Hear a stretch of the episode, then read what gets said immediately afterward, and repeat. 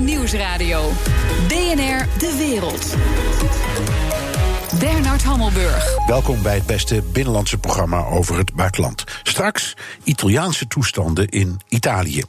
Maar nu eerst. Volgens de Telegraaf wil Nederland de scheepvaart in de straat van Hormuz best beschermen, maar alleen als onderdeel van een Europese maritieme macht. Het geeft in ieder geval aan dat we de missie niet uitvoeren onder Amerikaanse leiding. Als we dat hadden gedaan, dan zaten we dichter ook bij een mogelijke betrokkenheid uh, in een oorlog tegen Iran, uh, waarvoor het risico bestaat. Dat zei Peter Weininga van het Haag Centrum voor Strategische Studies vanochtend op BNR.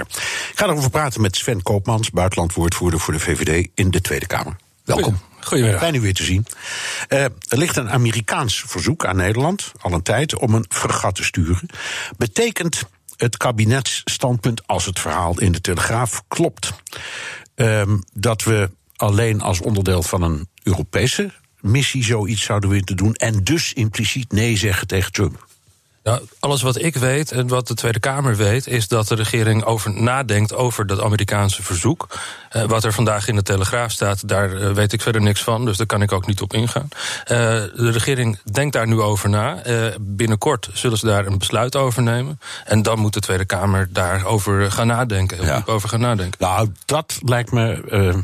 ik kan me niet voorstellen dat u er niet al over nadenkt, want het is een kwestie die wel enorm speelt. Ik, ik, ik wil u geen uitspraak afdwingen waar het kabinet nog niet over heeft gesproken, dat snap ik wel. Maar u gaat mij niet vertellen dat u er niet over nadenkt. Nee, natuurlijk. Dit is een enorm belangrijk uh, iets. Uh, het gaat over de veiligheid van uh, de scheepvaart. Het gaat over de olietoevoer. Maar het gaat ook over de veiligheid van Nederland.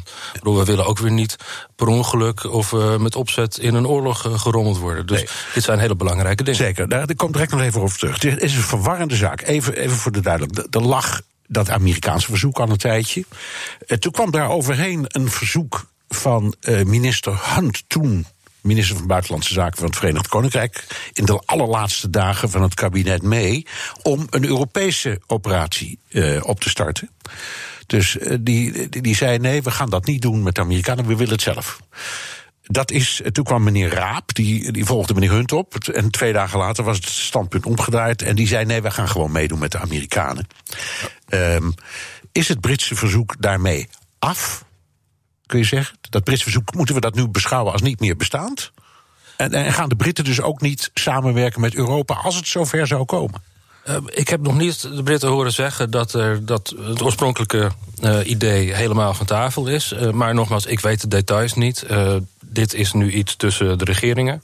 Uh, en daar moet de Tweede Kamer uh, op, uh, over geïnformeerd worden. Ja. het geeft wel aan natuurlijk dat, dat president of premier Johnson erg afhankelijk wordt, zich voelt in ieder geval van de Amerikanen. Ja, of solidair, of hij wil dat juist, of hij denkt: ik wil met die Amerikanen een handelsdeal sluiten zodra ik uit de EU ben. Dat kan van alles spelen, maar hij kiest voor Trump. Ja, dus het zegt misschien iets meer over de Brexit dan over wat we moeten doen voor de veiligheid van de scheepvaart. Ja. Ja, want toen dat, dat, dat voorstel van Hunt op tafel lag, zei iedereen: hé, wat grappig, want ze gaan uit Europa, maar als puntje bij paaltje komt, dan voelen ze zich toch nog wel Europees. En, en nu denk ik, ja, dat is dan weer die, die gedachten kunnen we weer laten varen. nou ja, het belangrijke is denk ik wel dat ook als de Britten uit de EU gaan, dat we nog steeds op veiligheidsgebied met de Britten nou moeten samenwerken.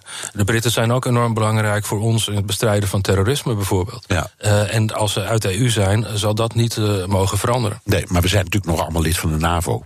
En we zijn lid van de NAVO en dat is onze belangrijkste bondgenootschap by far. Ja. Uh, en dat moeten we hoog houden. Dick Berlijn, oud-commandant der strijdkrachten, die zei deze week in de Volkskrant: niet doen zo'n missie naar Hormuz. Je wordt voordat je het weet in een conflict getrokken, terwijl je er eigenlijk niet voor kwam. Deelt u die vrees? Nogmaals, we moeten deze, deze verzoeken, deze ideeën moeten we heel goed bestuderen. En dan moeten we kijken wat is goed voor de veiligheid van de scheepvaart. Wat is ook goed voor de veiligheid van Nederland. Hoe voorkomen we dat we een oorlog in uh, gerommeld worden. Maar hoe houden we tegelijkertijd ook onze mensen op zee uh, en ook de wereldhandel veilig. Ja. Um, dan moet je alles gaan, uh, gaan afwegen. Dat moet heel zorgvuldig. Daar wil ik nu geen uitspraken over doen. Ik heb een collega André Bosman, onze defensiewoordvoerder, die, die zit hier heel diep in. Die weegt het allemaal af. Vervolgens doet ook de hele Tweede Kamer dat. Uh, daar kan ik nu nog niet uh, op ingaan. Nee, maar het is wel zo dat op het moment dat je een fregat stuurt. Of op de een of andere manier meedoet aan een militaire inspanning. In Europees verband bijvoorbeeld, in de maat. Hè? Of je doet toch mee met de Amerika. Maar hoe dan ook. Op dat moment loop je gevaar. Ja. Want, want we hebben toch uit de, de, tijd van Afghanistan en Irak geleerd dat er niet zoiets bestaat als een humanitaire missie. Dat als je zoiets doet, is het gewoon een vechtmissie.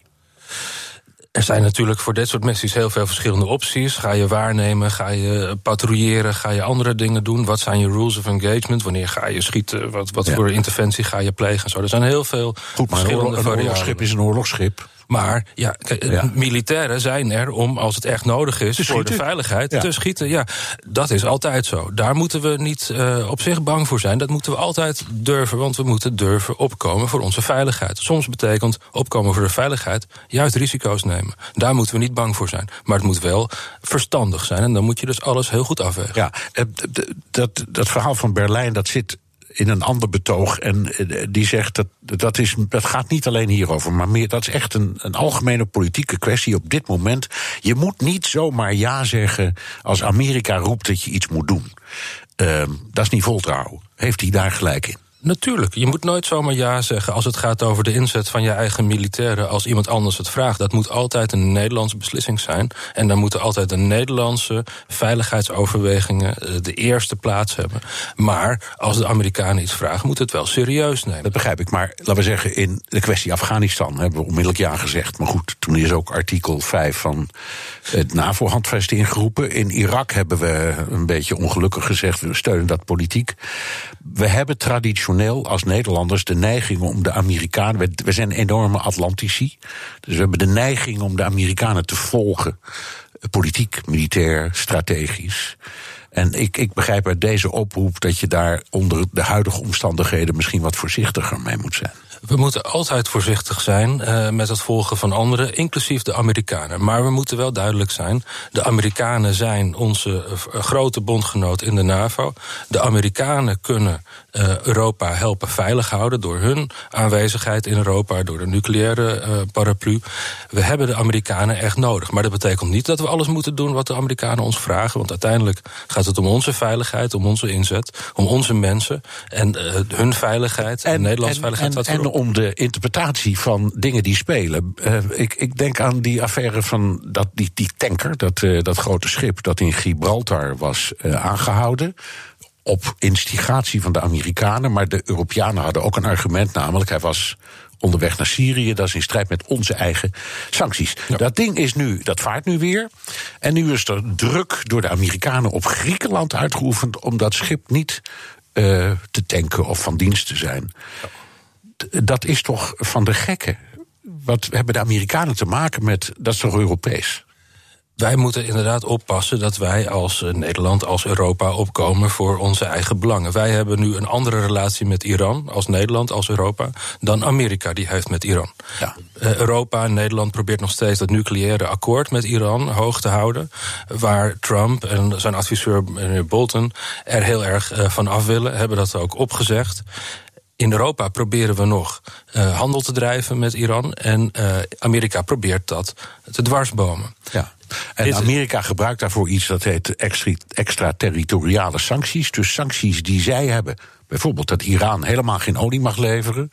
Die gelden ook voor andere landen die meehelpen aan die leveranties. Bijvoorbeeld Griekenland, of bijvoorbeeld wij dat is toch iets wat je, ja, dat is toch niet aanvaardbaar? Nee, dat is een vorm van, zou ik zeggen, zelfoverschatting. Natuurlijk, internationale sancties tegen terrorisme, die moeten we aannemen op VN-niveau. Die moeten dan door de Veiligheidsraad of zo worden afgesproken. En daar moeten we ons allemaal aan houden. Maar het kan niet zo zijn dat één land zegt: ik heb sancties en alle andere landen moeten zich daaraan houden. Wij mogen nog steeds onze eigen afwegingen maken. Ja. Maar nogmaals, als het hier gaat op een schip dat zoals de Amerikanen zeggen, echt op weg is om terroristen te helpen of om Assad in Syrië te helpen.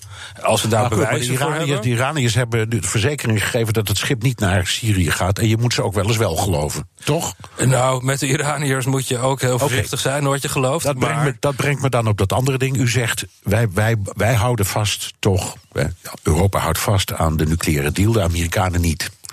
Waarom houden we daaraan vast? Maar veel belangrijker, kunnen we eraan vasthouden, want blijkt steeds dat we toch niet, echt niet handel kunnen drijven zonder dat de Amerikanen daar hun toestemming voor geven. Wij vinden een nucleaire deal van uh, groot belang, omdat we niet willen dat Iran een atoombom ontwikkelt. Uh, en dat gevaar bestaat wel. Nou is er een deal gesloten, nog onder president Obama. Uh, en die gaf enige garantie, moet je nog steeds verifiëren, maar enige garantie dat Iran geen atoombom gaat bouwen. Trump heeft gezegd: alles wat Obama daar heeft gedaan is slecht en daar wil ik vanaf wij, Europa in ieder geval, vinden nog steeds zo'n atoomdeal belangrijk. In ieder geval, dat steunt ook. Maar inhoudelijk kunnen we ons niet aan die deal houden. Want de bedoeling was dat we dan toch een beetje handel zouden drijven. Ga ze maar door. Dat lukt niet, omdat die Amerikanen overal tussen zitten en dat, en dat tegenhouden. Ja, en daar hebben de Amerikanen dus enorme macht, economische macht ook. Want alles wat, uh, wat je internationaal handelt gaat uh, in dollars. Die gaan via Amerika, dat kunnen ze dan stoppen. Dat is een probleem. Daarom wordt ook in de Europese Unie een, is al een mechanisme opgezet om toch met Iran te kunnen handelen. Ja, maar dat werkt niet. Dat werkt niet, omdat de Amerikanen zeggen: ja, als je als bedrijf uit zeg, Nederland handelt met Iran. Kom je op de zwarte lijst. Nou, en dan heb je problemen. En ja, een Nederlands bedrijf dat moet kiezen tussen zaken doen met Amerika of zaken doen met Iran. Ja, kan ik begrijpen dat ze dan kiezen voor Amerika. Ja. Maar we vinden het wel een slechte zaak en we proberen zoveel mogelijk uh, dat dus tegen te gaan. Uh, ik denk dat we Iran nog steeds bij die atoomdeal moeten houden en proberen dat aantrekkelijk te houden. Maar Iran maakt het wel lastig. Want als ze ondertussen aan het jennen zijn in de straat van Hormuz, als ondertussen Iran uh, nog steeds wordt verdacht van ook het vermoorden van mensen in Nederland, Iraanse dissidenten, uh, en zo kan ik nog wel een heel lijstje andere dingen opzommen, ja, dan hebben we wel echt problemen met Iran. Hup. Dus het is enorm balanceren. Hup, gaat erheen, toch? Oké, okay, zo dadelijk. In de provincie, provincie Idlib mengt, mengt, Turkije zich zeer nadrukkelijk in het eindspel van de bloedige oorlog in Syrië. Dreigt er een nieuwe oorlog binnen de oorlog? BNR Nieuwsradio. BNR De Wereld. Mijn gast Sven Koopmans, buitenlandwoordvoerder voor de VVD in de Tweede Kamer. The bombs are already falling on Idlib. Russian aircraft this week targeting what they claim are terrorist enclaves. 2.9 million people live in Idlib province, the last stronghold for Turkish-backed rebel forces and rival anti-Assad groups. Meneer Koopmans, u bent in uw vorige functie bij de VN ook betrokken geweest bij de vredesonderhandelingen over Syrië. U kent dat conflict dus heel goed. Uh, daar wordt enorm gevochten in die provincie Idlib. Hoe kijkt u ernaar? Het is uh, tragisch. Daar zitten 3 miljoen burgers uh, die kunnen geen kant op. Nee, ook, ook terroristen of voormalige terroristen. We weten niet wie dat zijn. Nee, het is tragisch op alle vlakken. Ja. Uh, want uh, die provincie wordt voor een groot deel beheerst eigenlijk door terroristen of quasi-terroristen. En die wordt nu belegerd en beschoten door Assad. Uh, de gewelddadige... Ja, want, want die zegt: dit is het laatste stukje wat ik nog niet terug heb van mijn grondgebied. Dus ik pik dat in. Ja, die wil uiteindelijk zijn, zijn land weer terug, zo ziet hij dat. En wil dus uh, ja, doorstoten. Maar daar zitten dus 3 miljoen mensen in de val. Die ja. kunnen geen kant op. Uh, en die worden wel van alle kanten bestookt. En ondertussen onderhandelen, uh, vredesonderhandelen, nou ja, zoals ik dat een paar jaar geleden heb gedaan, is hartstikke moeilijk. het wordt eigenlijk steeds moeilijker. Je ziet dat Turkije bezig is daar die rebellen op enige manier te steunen. Maar er wordt Turkije mogelijk beschoten door Rusland. Terwijl Turkije ondertussen met Rusland probeert die relaties uh, aan te knopen. Ja, wat een ongelofelijke Gordiaanse knoop. We gaan toch proberen om het, proberen om het een beetje te begrijpen. Um, Assad wil die provincie Idlib terug hebben. Dat begrijp je, want ik bedoel, vanuit zijn perspectief... het is het laatste stukje in zijn ogen bezet gebied, bezet door terroristen. Turkije zegt, ja, maar wij willen daar een soort van um, zone hebben waar we toezicht op kunnen houden, zodat de Koerdische dreiging voor Turkije zelf niet te groot wordt. En wat ik ervan begrijp is dat het, een groot deel van de wereld, ook in het Westen, zegt: Nou, daar hebben ze wel een punt.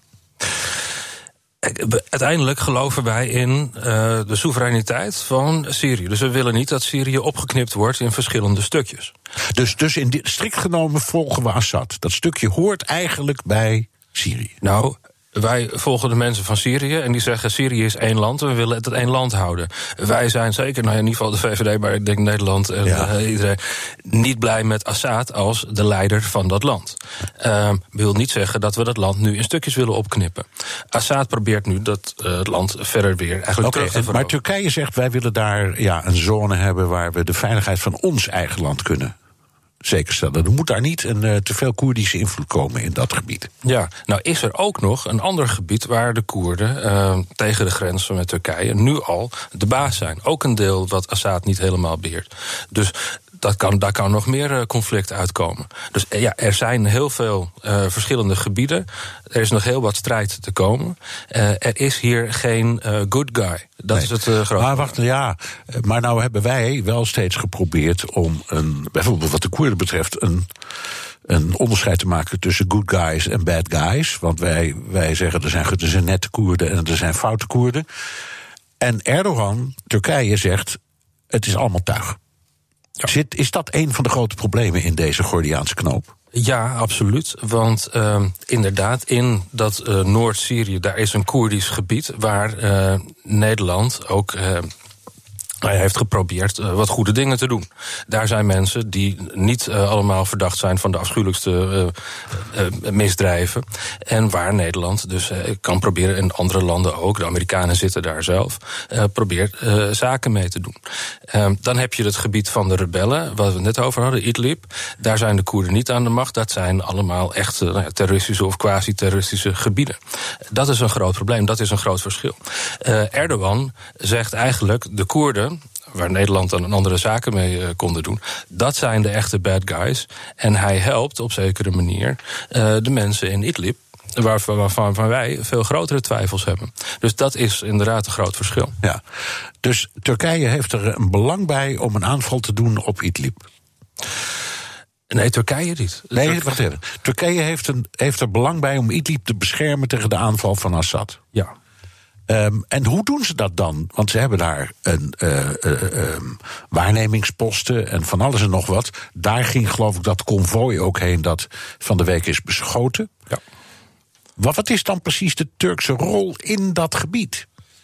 Ik denk dat Turken willen voorkomen dat, uh, één, de Koerden daar uh, de, de, volledige macht hebben. En uh, twee, de, Turken willen um, zoveel mogelijk nog de, de rebellen, waar ze ooit hele goede vrienden mee waren, nu misschien iets minder, maar nog steeds, willen ze voorkomen dat die helemaal door Assad onder de voet worden gelopen. en daarom heeft Turkije daar ook militairen naartoe gestuurd. en ja, die zitten dus nu in dat strijdtoneel. Ja, en op die militairen is dan een aanval uitgeoefend door Assad, maar ook een luchtaanval door Rusland. Waarschijnlijk, want we hebben het alleen gehoord, maar geen beelden of ander bewijs gezien. Ja. Maar laten we nou eens aannemen dat dat zo is. Dan kun je zeggen, nou helemaal onlogisch is dat niet, want sinds september 2015 is in feite Rusland de luchtmacht van uh, Assad geworden.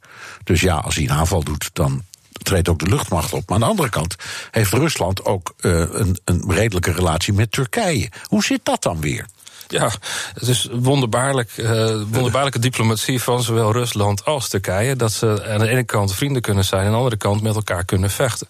Turkije heeft dus net een, uh, een soort uh, luchtafweersysteem gekocht van, van Rusland. Van de Russen, ja. wat heel vreemd is, want Turkije is een NAVO-land. En Rusland is een van de bedreigingen van de NAVO. en ondanks enorme weerstand van ook de Amerikanen, ook van, van de Europeanen, heeft Turkije dat toch gedaan. Vrienden gemaakt met Rusland. En nu worden ze dan waarschijnlijk beschoten door Rusland in Syrië. Ja. Ja. En, en als je even cynisch denkt, zou je misschien kunnen zeggen... misschien is dat zelfs gebeurd met S-400-raketten... die ze zelf van de Russen hebben gekocht. Ja, ja nee, de, de, de oorlog in Syrië zit vol ironie en verrassingen... maar hoofdzakelijk is het afschuwelijk en verschrikkelijk. Ja. Uh, en ik denk vooral aan al die miljoenen slachtoffers... die mensen die daar vastzitten. Um, en dat is ook weer een gevaar, want daar kan weer een enorme vluchtelingenstroom... Precies, dat brengt ons op ons eigen belang. Hè? We hebben eigen, wat is ons, hoe willen wij dat deze kwestie wordt opgelost in Idlib. Als u, u bent oud-diplomaat, u hebt daar gezeten. Als u het mocht oplossen, hoe zou u het doen? Nou ja, even, ik heb anderhalf jaar de kans gehad. En uh, laat zeggen, het is niet een grote. Nee, maar u krijgt een nieuwe kans en nu lukt het wel. Hoe zou u het doen? Nee, maar um, dit is niet een, iets waar je een groot uh, masterplan op los kan laten en dan is het opgelost. Maar wat er moet gebeuren is natuurlijk een, uh, een Syrië dat weer stabiel is, waar enige mate van, van een rechtsstaat is, waar mensen met elkaar samenleven. Maar daar zijn we nu heel ver vanaf. Heel ver vanaf. Dus het eerste wat er nu moet gebeuren is iets van een soort machtsverdeling. Dat we zegt, oké, okay, jij controleert dit gebied, ik controleer dat gebied. Laten we elkaar niet, niet beschieten, maar laten we eventjes hier blijven. Ja. En Staakt het vuren tussen dat soort groepen, dan ben je al een heel eind op basis van een zekere politieke deal. Want als je alleen maar zegt laten we ophouden met schieten, ja, zodra de ene weer wat meer wapens heeft, dan begint hij weer met schieten. dus daar kom je dan niks mee. Uh, maar ja, uiteindelijk moet het Syrië weer verenigd worden. Uh, maar dan hopen we dat er nieuwe uh, leiders zijn. Want een verenigd Syrië onder Assad uh, Assad die verantwoordelijk is voor honderdduizenden doden. Uh, daar worden we zeker niet nee, U zei het al, er komt, er komt een vluchtelingenstroom. Althans, dat dreigt. Dat is het gevolg van deze. Hoe, hoe, hoe, hoe, hoe groot en actueel is die kans dat het ook echt gebeurt? Het, het, dreigt iedere dag weer dat de aanval op Idlib echt losgaat. Um, op dit moment worden de mensen eigenlijk tegengehouden aan alle kanten door alle verschillende strijdende partijen, inclusief door Turkije. Als een van die partijen zegt, nou hier hebben we een corridor, loop maar door en loop maar richting Europa, ja, dan is dan, dus. Dat is een eh, rapengaar. Ja. ja. Amerikanen hadden graag gezien dat uh, Nederland militairen zou leveren aan Syrië. Daarvoor hebben ze Piet Hoekstra, de ambassadeur, ook ingezet, die dat op zijn eigen mediagenieke manier heeft gepresenteerd. Jullie hebben toch zulke goede soldaten, stuur ze dan maar. Doen we niet, hè? Uh, minister Bijleveld uh, heeft gezegd uh, dat, dat ze dat niet wil doen. dus ja, daar houdt het op, denk ik. Ja. Um, er kan nog wel gekeken worden, wat kunnen we wel voor positieve bijdrage leveren? Want we willen allemaal, ook in Nederland denk ik, een bijdrage leveren aan de vrede en de stabiliteit daar. Dus Piet, Piet Hoekstra krijgt misschien wel iets. Waar het uiteindelijk om gaat is dat we willen dat het daar veilig is en dat de mensen geholpen worden. En daarom geeft Nederland nu dus ook al heel veel humanitaire hulp, bijvoorbeeld. Uh, en zijn we ook in Irak aanwezig om uh, mensen te trainen opdat het daar beter gaat. Nou, nog even in één zinnetje terugkomend op die, op die opmerking van Berlijn. Zegt, Dick Berlijn zegt niet tegen alles ja. Dat geldt ook voor als Hoekstra ergens om vraagt. Piet Hoekstra is een, is een indrukwekkende en een hele aardige man, maar hij heeft een hele eigen manier van doen. Maar uiteindelijk, als wij besluiten om Nederlandse mensen ergens in te zetten, dan moet het gaan om het Nederlandse belang en om de Nederlandse veiligheid. En niet omdat we Piet Hoekstra aardig of niet aardig vinden. Nee, en hij is bovendien waarschijnlijk binnenkort weg, want hij wordt genoemd als nieuwe directeur van de CIA. Dus. Uh, nou, Dan hebben we goede connecties uh, bij de CIA. Zo is dat. Dank. Sven Koopmans, buitenlandwoordvoerder voor de VVD in de Tweede Kamer. BNR Nieuwsradio. De Wereld. Bernard Hammelburg. De man die zichzelf ziet als de Messias staat deze week weer vol in de spotlights. The Donald Show. En dus tijd om te gaan praten met onze Amerika-correspondent Jan Postma in Washington. Jan, Trump probeert Joodse Amerikanen binnen te halen, maar nou krijgt hij het aan met ze aan de stok. Ja, ja, hij is al een tijdje bezig om ze het hof te maken. Dat doet hij door ja, ze eigenlijk ook een beetje onder druk te zetten. Ze een beetje te forceren een keuze te maken. Uh, op dit moment is het zo dat, dat 70 tot 80 procent van de Joodse Amerikanen democratisch stemt. Dus uh, nou ja, daar is Trump natuurlijk niet blij mee. En Trump die zegt al, ja, die democraten die doen helemaal niets voor Israël. Kijk ook bijvoorbeeld naar Omar en, en hoe heet ze ook alweer, die andere, Tlaib. die, die twee congresleden die vorige week Israël niet eens in mochten. Dus ja, jullie als Joodse Amerikanen kunnen daarom ook niet voor democraten stemmen. Die doen niks voor jullie. Dat zou dom zijn. En dat zou ook betekenen dat je niet loyaal bent. And I think any Jewish people that vote for a Democrat uh, I think it shows either a total lack of knowledge or great disloyalty. Ja, en hij herhaalde dat ook nog een aantal keren. Hier zei hij in het Oval Office, later zei hij het nog een keer. Maar eh, ja, eh, Joodse organisaties hier in de VS, die, die schrokken hiervan. Want dat loyaal zijn, dat heeft historisch gezien een, een behoorlijke lading, een antisemitische lading. Uh, dit is bijvoorbeeld de directeur van de American Jewish Committee. There are historical overtones to what's being said here. The issue of disloyalty.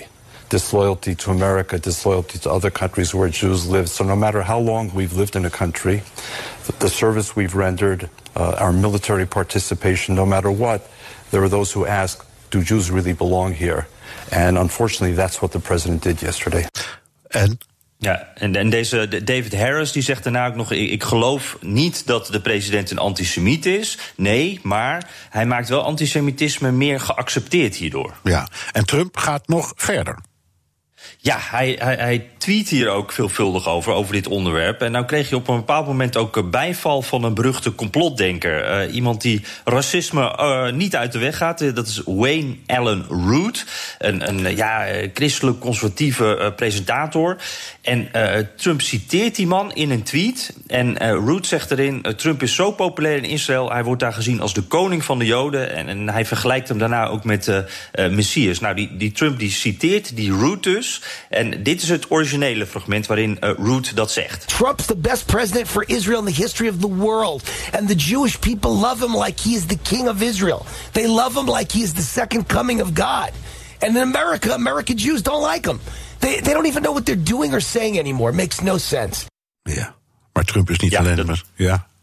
Ja, nee, ik wou nog zeggen, dit is natuurlijk in in de, de context van, van het Joodse geloof ook een, een- gewoon een hele onhandige manier van het uitdrukken. Ja, nou, ik- ik zou zeggen, het is eh, tegen het blasfemische aan, maar goed, daar zit hij niet mee. Hij is niet alleen de Messias, hij is ook de uitverkorende, de chosen one. Somebody Ja. had to do it.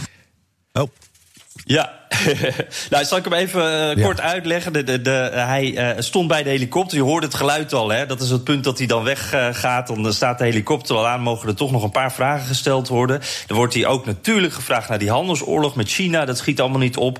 En hij zegt eh, daarbij, ja, maar iemand moest het doen. Andere presidenten gaven niet thuis. En dan richt hij zijn blik even naar boven, naar de, de heldere blauwe hemel. En hij zegt dan dus, I am the chosen one. I am the chosen one.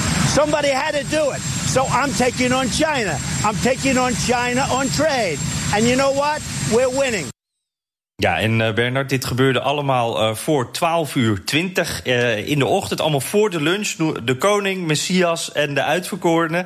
En het was heel grappig en ook wel raar om te zien op Twitter. Je kan dan zien wat, de trending topics zijn hier in de buurt, in, in, in Washington, in Amerika.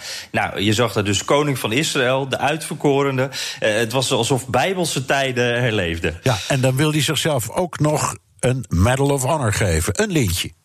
Ja, ja het, hoogste eh, ja, wat je kan eh, verdienen eigenlijk in Amerika. Hè. En, ja, eh, hij, hij was in die helikopter gestapt, dat hoorden we net. Nou, later kwam hij aan in Kentucky, daar ging hij een toespraak houden voor veteranen.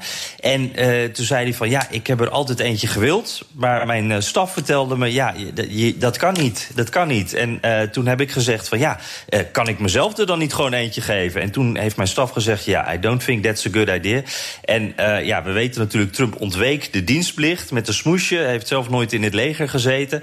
Ehm, en dit was wel duidelijk een grapje. Tenminste, er werd in ieder geval hard om gelachen in de zaal. Ja, nou goed. En ook door hem, hoop ik. Ja, hij lacht, hij lacht ook mee. Soms weet je Ja. niet helemaal wanneer Nee, hij een grapje maakt ik wou, niet, ik wou maar zeggen, ik wou maar zeggen, we, we trappen hem niet elke dag op een echte grap. Eerlijk is eerlijk. Maar iemand, Nee, die, nee. iemand die tegen zegt, zal ik mezelf een lintje geven? Ja, daar zien we de humor wel van in, toch? Ja, ja, ja, zeker, zeker. Het hoort ook bij Trump, hè? Oké, dankjewel. Amerika-correspondent Jan Postma. BNR Nieuwsradio. BNR De Wereld. De Italiaanse premier Conte was het gedonder in zijn coalitie eindelijk zat en gooide het bijltje erbij neer. alla fine del dibattito parlamentare dal Presidente della Repubblica per comunicargli ufficialmente l'interruzione di questa esperienza di governo e rassegnare nelle sue mani le mie dimissioni da Presidente del Consiglio. Ik ga erover praten met mijn gast, Italië-deskundige Donatello Piras. Welkom. Dank. Ehm, in Italië valt eh, bijna elk jaar wel een eh, kabinet. Ik geloof de gemiddelde looptijd is iets van 13 maanden. Ja. Wat is er anders aan deze crisis dan andere politieke crises? Nou ja, ik denk dat de crisis aan zich inderdaad, nee, je zegt het zelf al, het gebeurt heel vaak. Eh, en dat is een cliché, maar clichés zijn waar en het klopt. Wat er in die zin anders aan is, is dat de manier waarop deze crisis tot stand is gekomen. En met name de, nou ja, laten we zeggen, de apotheose in de, in de Senaat tijdens dat debat. Dat was wel weer uniek. Dat was zelfs voor Italiaanse begrippen wel Ja, een ja, beetje. ja, ja. Want we hebben het over Italiaanse toestanden in Italië. Maar dit was een on-Italiaans moment. Waar. Waarbij de premier zijn eigen minister van Binnenlandse Zaken eigenlijk compleet afbrak. Ja, en hij zat ook nog naast hem. Dus dat maakte het Ja. op de een of andere manier toch. Ja, we zouden het correcte Nederlands woord awkward gebruiken. Ja, ja, ja, ja. Het, het zag er ook heel onaangenaam uit. En het, en het werd eigenlijk gaandeweg het debat ook steeds erger. hè. Dus op een gegeven moment werd hem verweten de scheiding tussen kerk en staat niet te. ehm, eh, eh, eh, niet te, ehm, eh, hoe zeg je Te dat? respecteren. Te respecteren, Ja. dank. En waardoor er een totale verontwaardiging ontstond. Eh Salvini trok een rozenkrans tevoorschijn, begon dat ding kussen. Parlementsleden van de Lega trokken een kruisje tevoorschijn. De Kamervoorzitter vond dat dan weer niks en, en probeerde in te grijpen. Nou, het was een totale chaos. Ja, en wie is de winnaar? Nou, op dit moment moeten we dat nog afwachten. Het kan twee kanten op. Vanmiddag eh, eh, eh, weten we helemaal aan het einde van de middag pas, en misschien dus pas vanavond, of er komt een, een, een nieuwe regering die op een parlementaire meerderheid kan steunen. Vijf sterrenbeweging met de Sociaaldemocraten, de Partito Democratico. Of dat lukt niet. Ja, en dan gaan we naar de nieuwe verkiezingen. Dan wint Salvini, want dat is wat hij wil. Ja, dat is wat hij wil. Nu, nu wordt hem van alle kanten verweten dat hij ehm, eh, de democratie ondermijnt. En dat het de grootste schurk van de recente geschiedenis is. Omdat hij er goed voor staat en dus verkiezingen wil. Ja. Dat gebeurt in heel veel landen. Dat noemen ze dan snap elections. Ja. Wat is daar eigenlijk op tegen? Nou ja, kijk, Dat hij verzilvert wat die politiek op het ogenblik voorstelt. als politicus is daar niets op tegen. En sterker nog, als je Salvini bent en je staat binnen een jaar ga je van 17% naar 37%. Ja, dan zou ik ook wel denken, ik vind het heel lastig in deze coalitie. Laat ik nou eens proberen om eh, snap elections inderdaad te organiseren. Theresa May heeft dat ook eerder gedaan. Ja. Om, om je zodanig je, je machtsbasis te verbeteren. Wat erop tegen zou zijn vanuit natuurlijk oppositionele hoek is van ja, jongens, zitten, zitten de gemiddelde Italianen nou na een jaar weer op nieuwe verkiezingen te wachten? En daar is het antwoord natuurlijk nee op. Nee, liever niet. Ehm, nou zei je, er zijn, er zijn verschillende opties. Of er komen verkiezingen, of eh, er komt een samenwerking tussen de Vijf Sterrenbeweging en de Socialisten. Ja. Dat zijn er niet bepaald vrienden, toch? nou hoeft dat ook niet hoor, in een coalitie, maar toch. Nee, maar kijk, ehm, het, het, zou- ik, ik probeer even de vergelijking naar de Nederlandse politiek te maken. Ehm, de SP en de Partij van de Arbeid gaan ook, niet zo, eh, gaan ook niet zo graag met elkaar regeren. Ondanks dat ze ideologisch wel dicht bij elkaar staan. Ja. Maar dat komt, de ene partij komt een beetje voort uit de andere partij. Het electoraat communiceert. En dat is in Italië ook. Movimento Cinque Stelle, daar zitten heel veel oud eh, eh, PD-stemmers, Partito Democratico. En dat merk je, er zit haat en nijd tussen. En ideologisch zijn er twee, vind ik, belangrijke punten. Waardoor ik ook vermoed dat die coalitie niet makkelijk van de grond Vertel, welke zijn dat dan, die twee punten? Nou ja, bijvoorbeeld, ehm, eh, kijk, de Movimento Cinque Stelle is anti-institutioneel... en probeert dus heel erg, ehm, nou, zoals zij dat noemen... de huidige politieke kasten eh, weg te vagen. Als er één partij de politieke kasten vertegenwoordigt in Italië... Is het, zijn het de Sociaaldemocraten. Ja. Dus daar gaat het al niet lekker. Ehm, en zij zijn niet zo van de grote institutionele eh, logistieke werken. Hè. Dus een hoge tussen Lyon en Turijn. De TAF in Italië genoemd. Daar steggelen ze overigens al jaren over. Maar de eh Vijfsterrenbeweging is een uitgesproken tegenstander. Daar is de eh eh, Partito Democratico is daar weer voor. En dat ding moet er nu echt komen. Dus, ja, dat, en dat is niet klein bier, want dit gaat over miljarden. Hè. Dus het is niet van, oh, dat doen we dat spoorlijntje niet. Nee, nee, het is dus niet zo dat als de president zegt: proberen jullie het maar eens gaan zitten. dat ze zeggen: Nou, dit is een vuiltje, dat werken we wel even weg. Maar over de grote lijnen worden we het eens. Zijn er grote lijnen waar ze het wel over eens zijn? Oh, uiteraard. Kijk, ik denk dat ze eh, in tegenstelling tot bijvoorbeeld de Lega van Salvini, hè, toch een, een centrum-rechtse partij, of gewoon een rechtse partij zou je bij hem kunnen zeggen, ehm, toch een, een stuk anders bijvoorbeeld tegen eh, sociale vraagstukken, tegen immigratie aankijken. Daar vinden ze elkaar. Eh, en ze zijn een stuk pro-Europeeser, de, de Partito Democratico dan de Lega. De vraag is natuurlijk, hoe staat de Vijfsterrenbeweging daar inmiddels in? Want die schuiven ook de hele tijd. Ja. Dus dat is een ongeleid projectiel. Ja, dat, dat, dat weet je dus niet. Ehm, Nee, nu niet. Voor de stabiliteit, wat eh, is beter voor het land? Nieuwe verkiezingen en Voor gewoon, Italië? Ja, gewoon Salvini. Of een lijmpoging met de eh, Sociaal-Democraten. of misschien een derde optie, een lijmpoging tussen deze twee. Nou, dat laatste kun je uitsluiten, denk ik, op dit moment. Gaat niet gebeuren. Dat gaat niet gebeuren. Oké, dus dan dus- blijven er twee over. Ja. Ehm, en ik denk voor de stabiliteit van het land, ehm, even los van de poppetjes. Italië zou gebaat zijn bij een regering die minimaal vier jaar lang blijft zitten. en eindelijk eens een keer iets voor elkaar krijgt. Ja, maar dat is sinds Berlusconi niet meer gebeurd. Ja, die bleef daar jarenlang zitten, ondanks ook heel veel protesten. Ehm, eh, en, en, en, en ik zou bijna zeggen, ja, dan maakt het niet uit van welke politieke kleur je bent. Alleen ik heb gewoon zo weinig vertrouwen in het feit dat de Vijfsterrenbeweging Ineens op schoot gaat zitten bij de, bij de Partito Democratico en dat ze dat vier jaar gaan uitzitten, dan zou je bijna denken, als Salvini met 37 procent, misschien wel meer, straks de verkiezingen zou kunnen winnen, dan heeft hij nog één of twee coalitiepartijen nodig. Dan komt centrum rechts op meer dan de helft van het electoraat. Dan hoef je wat minder bang te zijn voor de oppositie. En laten ze dan maar eens een paar jaar proberen om iets voor elkaar te krijgen in Italië. Want dat heeft het land nodig. Zo dadelijk. Europa gruwelt van het idee van premier Salvini. Is die angst eigenlijk terecht? BNR Nieuwsradio. BNR De Wereld. Mijn gast, Italië-deskundige Donatello Piras. He still hasn't arrived, but we can feel his presence. At this League meeting, a few kilometers from the Slovenian border, the merchandise with Matteo Salvini's image sells well. When he arrives, he is welcomed like a rock star.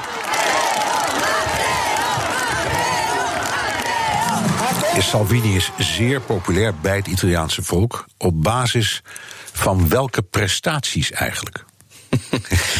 Ja, prestaties. Je zou, ik, zou beide willen spreken van op basis van welke ideeën. Ehm, en sommige ideeën daar heeft hij ook iets in gerealiseerd. We moeten beginnen met immigratie. Dat is verreweg zijn grootste politieke punt. Waar hij denk ik ook wel iets gedaan heeft. Namelijk, uh, hij heeft ervoor gezorgd dat daadwerkelijk de havens dicht zijn gegaan en dat er zeer weinig vluchtelingen binnen zijn gekomen. Ja. Dus dat, en immigratie heeft hij een vrij hard standpunt. En waarom vinden die Italianen dat zo interessant? Omdat ze dat zelf of je nou links of rechts bent, inmiddels ook hebben. Ze voelen zich in de steek gelaten door de Europese Unie. En geef ze ongelijk? Ik geef ze niet ongelijk. Nee, op dat punt hebben ze echt wel een punt. Daar hebben ze een punt. Dus ja. Salvini heeft daar ook een punt. Dus hij verwoordt ja, iets en hij probeert ook te realiseren. En, nou, hij probeert het niet, hij doet het. Hij, doet het, hij doet het de manier waarop zou je over kunnen vallen. Want hij gebruikt af en toe zulke rabiate taal. dat je ook af en toe zou kunnen schrikken van. God, bedoel je er niet iets extra's mee? Maar als je puur kijkt naar de feiten. hij heeft iets gedaan wat de afgelopen regeringen niet is gelukt. Nee. Um, gesteld nou dat, dat, dat die uh, premier wordt, daar, daar, daar moeten ze in vooral West-Europa, zeg ik heel nadrukkelijk, niet aan denken. Nee. Waar komt die afkeer vandaan? Is dat nou vanwege zijn houding in de vluchtelingen, of zijn financiële hm. opvattingen, of zijn, uh, uh, zijn houding tegenover Brussel, of gewoon omdat ze denken: dit is een Italiaanse Trump? Wat is er aan de hand? Ja, misschien een combinatie van beide. Kijk, ja, ik kan niet in de hoofden van alle West-Europese leiders kruipen. Alleen het eerste punt is immigratie, hè, waardoor de Italianen hem interessant vinden. Het tweede punt is zijn enige nou, laten we zeggen, anti-EU-houding. En het derde punt is het feit dat hij belastingverlaging belooft. Ja. Nou, dat is heel Italiaans. Als je morgen iets kunt krijgen, dan gaan we daarvoor. En dat is beter dan dat een politicus zegt maar over vijf jaar of over tien jaar hebben we het beter. En Salvini is van de korte termijn. Ja, maar de vraag was: de, de, er is een enorme afkeer, vooral in West-Europa. Ja. Waar, gaat, waar richt die afkeer zich op? Dat is denk ik meer het tweede punt, die anti-EU-houding en het ook een beetje um, uh, anticonformistisch willen zijn jegens Europa. En willen zeggen: uh, it, uh, gli Italiani prima. Dus de Italianen eerst. Prima America Italianen. first. En maar dan op het is gewoon Trump. Het is letterlijk, ja. Het is Italiaanse Trump. En dat betekent dus dat Matteo Salvini zegt, ook in uh, afgelopen week zijn toespraak in de Senaat, en nadat Conte zijn ontslag had aangeboden, mocht hij spreken. En zijn eerste zin was: ik zou niets anders hebben gedaan dan dat ik heb gedaan. Nou, dat toont al iets aan. En daarna zei hij nog iets anders.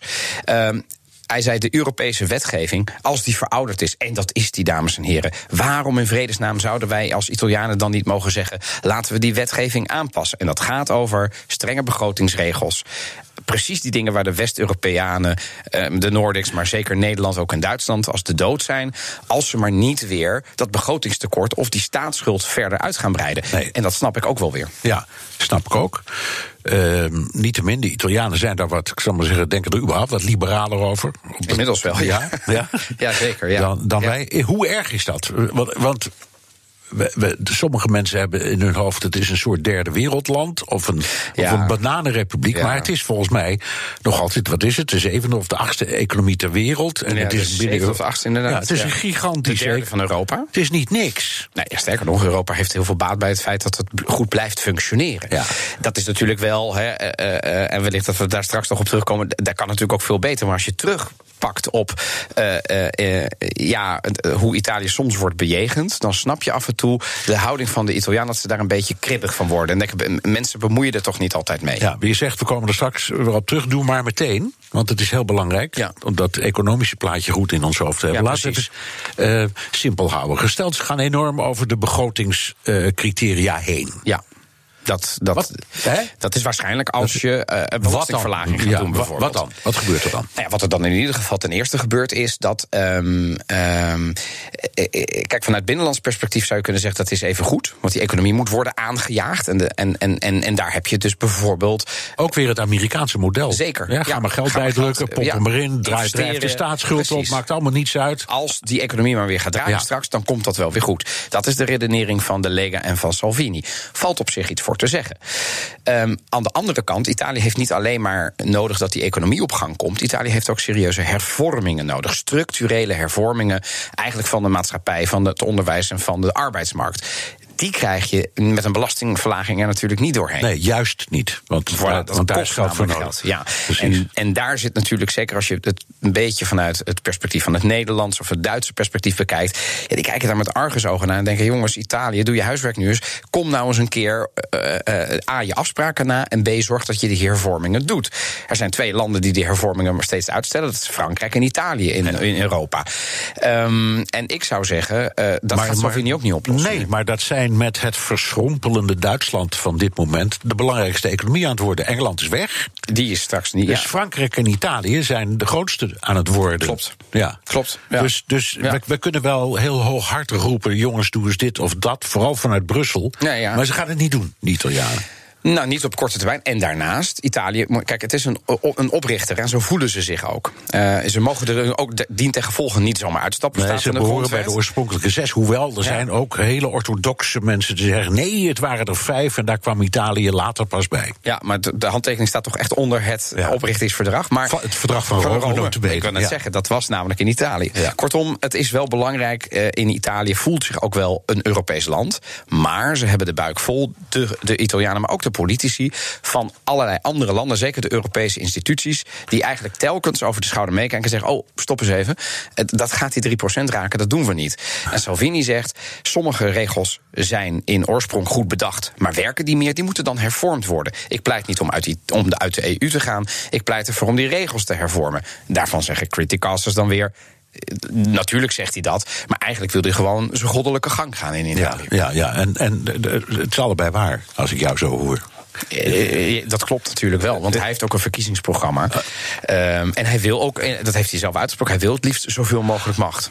Kan Brussel iets doen ja. uh, als puntje bij paaltje komt? Dat hebben we al eerder dit jaar gezien. Op het moment dat Italië natuurlijk de begrotingsregels wederom weer schendt, kan er natuurlijk weer zo'n, en die is inmiddels weer teruggenomen. Ja, precies. Um, kan er uiteindelijk zelfs een enorme boete van 0,2% van het bruto nationaal product worden opgelegd. En dan zijn de gevolgen niet te overzien. Want als het toch al slecht met je gaat, he, je, je, hebt, je bent een enorme schuldenaar. En je krijgt ook nog eens een keer een, een, een, een boete van duizenden euro's ja, van een kale kip kun je dan niet plukken, zou je nee, zeggen. Nee, dus, dus dat, dat werkt niet. Maar dat is niet voor niets teruggedraaid. Uh, Brussel en Italië en Rome bliezen wat tegen elkaar. Klopt. En uiteindelijk is er niks gebeurd. Dat is ook vaker zo, hoor. Ja, nee, maar het is in dit geval niet onbelangrijk... omdat nee. we moeten zien na te gaan. De kans, als ik jou hoor, dat Salvini premier wordt... nu of over een tijdje is ja. behoorlijk groot. Die is aanwezig, zeker, ja, ja, ja. Dus die ja. kant zou het uit kunnen gaan. Ja, zeker. Nog eens iets. Uh, Salvini, uh, ik, om het zo maar te zeggen... flirt ook met Poetin. Ja. Um, uh, zou hij bereid zijn of in staat zijn of de wil hebben om de Europese sancties um, te overtreden tegen Rusland?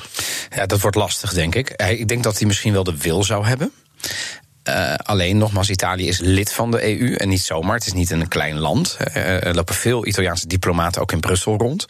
Um, en je mag niet, bedoel, dan zou Italië direct een probleem krijgen. Dus ik denk niet dat dat zo makkelijk is. Alleen, ja, boze tongen in Italië beweren dat Salvini sowieso wel heel Precies, erg afhankelijk dat is. is het, het Italiaanse uh, Rusland Gate. Ja, er is een Russia Gate geweest. Er, is, er is een tap geweest, telefoontaps, waarin een zeer nauwe adviseur verbonden direct aan de Lega, aan de partij van Salvini eh, in Rusland eh, zaken doet met een Rus en geld aanneemt. En dat is letterlijk te horen. Ehm, en dus zeggen boze tongen, ja, die Lega die wordt gewoon gefinancierd door Russisch geld. Met nou ja, allerlei trollen enzovoort. Maar vanaf dat moment begint het speculeren, want er is niks bewezen.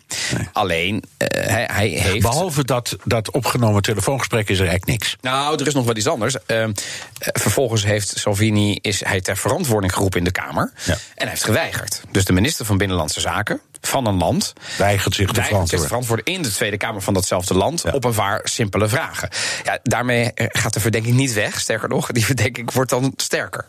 En hoe speelt dat nu in Italië? Eh, als je weer de vergelijking trekt met eh, Trump, de, de, de, de, de standaard gemiddelde republikeinse kiezer, zal het allemaal een zorg wezen. Zeker. Geldt dat ook voor de Salvini-kiezer? Zeker. Ja, dat, die parallel is direct te trekken. Ik heb afgelopen weekend ook met veel Italianen gesproken.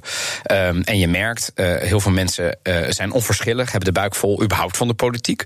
Maar de mensen die eh, bijvoorbeeld achter Salvini aangaan, die vinden ook, ja, maar luister, ze, en wie, wie ze zijn, dat weet je nooit. Maar bijvoorbeeld de media, ja, die bedenken iedere keer weer wat anders. En dat horen we hier in Nederland bijvoorbeeld ook bij Baudet. Hè, als daar iets is en, en, en Otte roept, zeggen ze, ja, maar die Otte die heeft natuurlijk een greep in de kas gedaan. Maar Baudet, ja, iedereen wordt natuurlijk zenuwachtig, want hij, hij roept juiste dingen. In Italië is het precies hetzelfde. Bij Salvini zeggen ze: Ik geloof in de man, io ci credo. Hij doet de juiste dingen. Hij zet de Italianen op de eerste plaats. En nu wordt iedereen zenuwachtig. Maar eh, het is genoeg geweest. En ik blijf gewoon achter hem staan hoor. Ja. Toch weer even terug. Ik heb de vraag nu op verschillende manieren gesteld, maar we sluiten ermee af omdat die echt belangrijk Wat denk jij dat het meest waarschijnlijke scenario nu is? Die tussenoplossing met een nieuw kabinet met de socialisten? Of een president die denkt: ik zie niet hoe ik dat voor elkaar krijg, laten we maar naar verkiezingen gaan? Ja, dan vraag je dus iemand die de Italiaanse politiek volgt. om iets te roepen over het ongeveer politiek moeilijkste land. Want ik, ik oprecht weet ik het echt niet. Ik denk dat het waarschijnlijk is dat ze het wel gaan proberen, de Vijfsterrenbeweging met de Partito Democratico. Ik ben er ook van overtuigd, als dat al zou lukken, gaat dat niet vijf jaar duren. En dan hebben we misschien volgend jaar alweer verkiezingen. die dan waarschijnlijk door centrumrechts, dus Salvini, gewonnen worden. Ja, en dat, dat ligt dus in de lijn van de verwachting. Dus we kunnen vast ons warm lopen voor het idee. Laten we dat dat wij doen. moeten dealen met Salvini, zoals we dat ook hebben gedaan met Berlusconi al die jaren. Ik wil maar zeggen. Dankjewel, Italië-deskundige Donatello Piras. En tot zover BNR De Wereld. Reageren kan via dewereld.bnr.nl. Terugluisteren via de site, de app, iTunes of Spotify. Tot volgende week.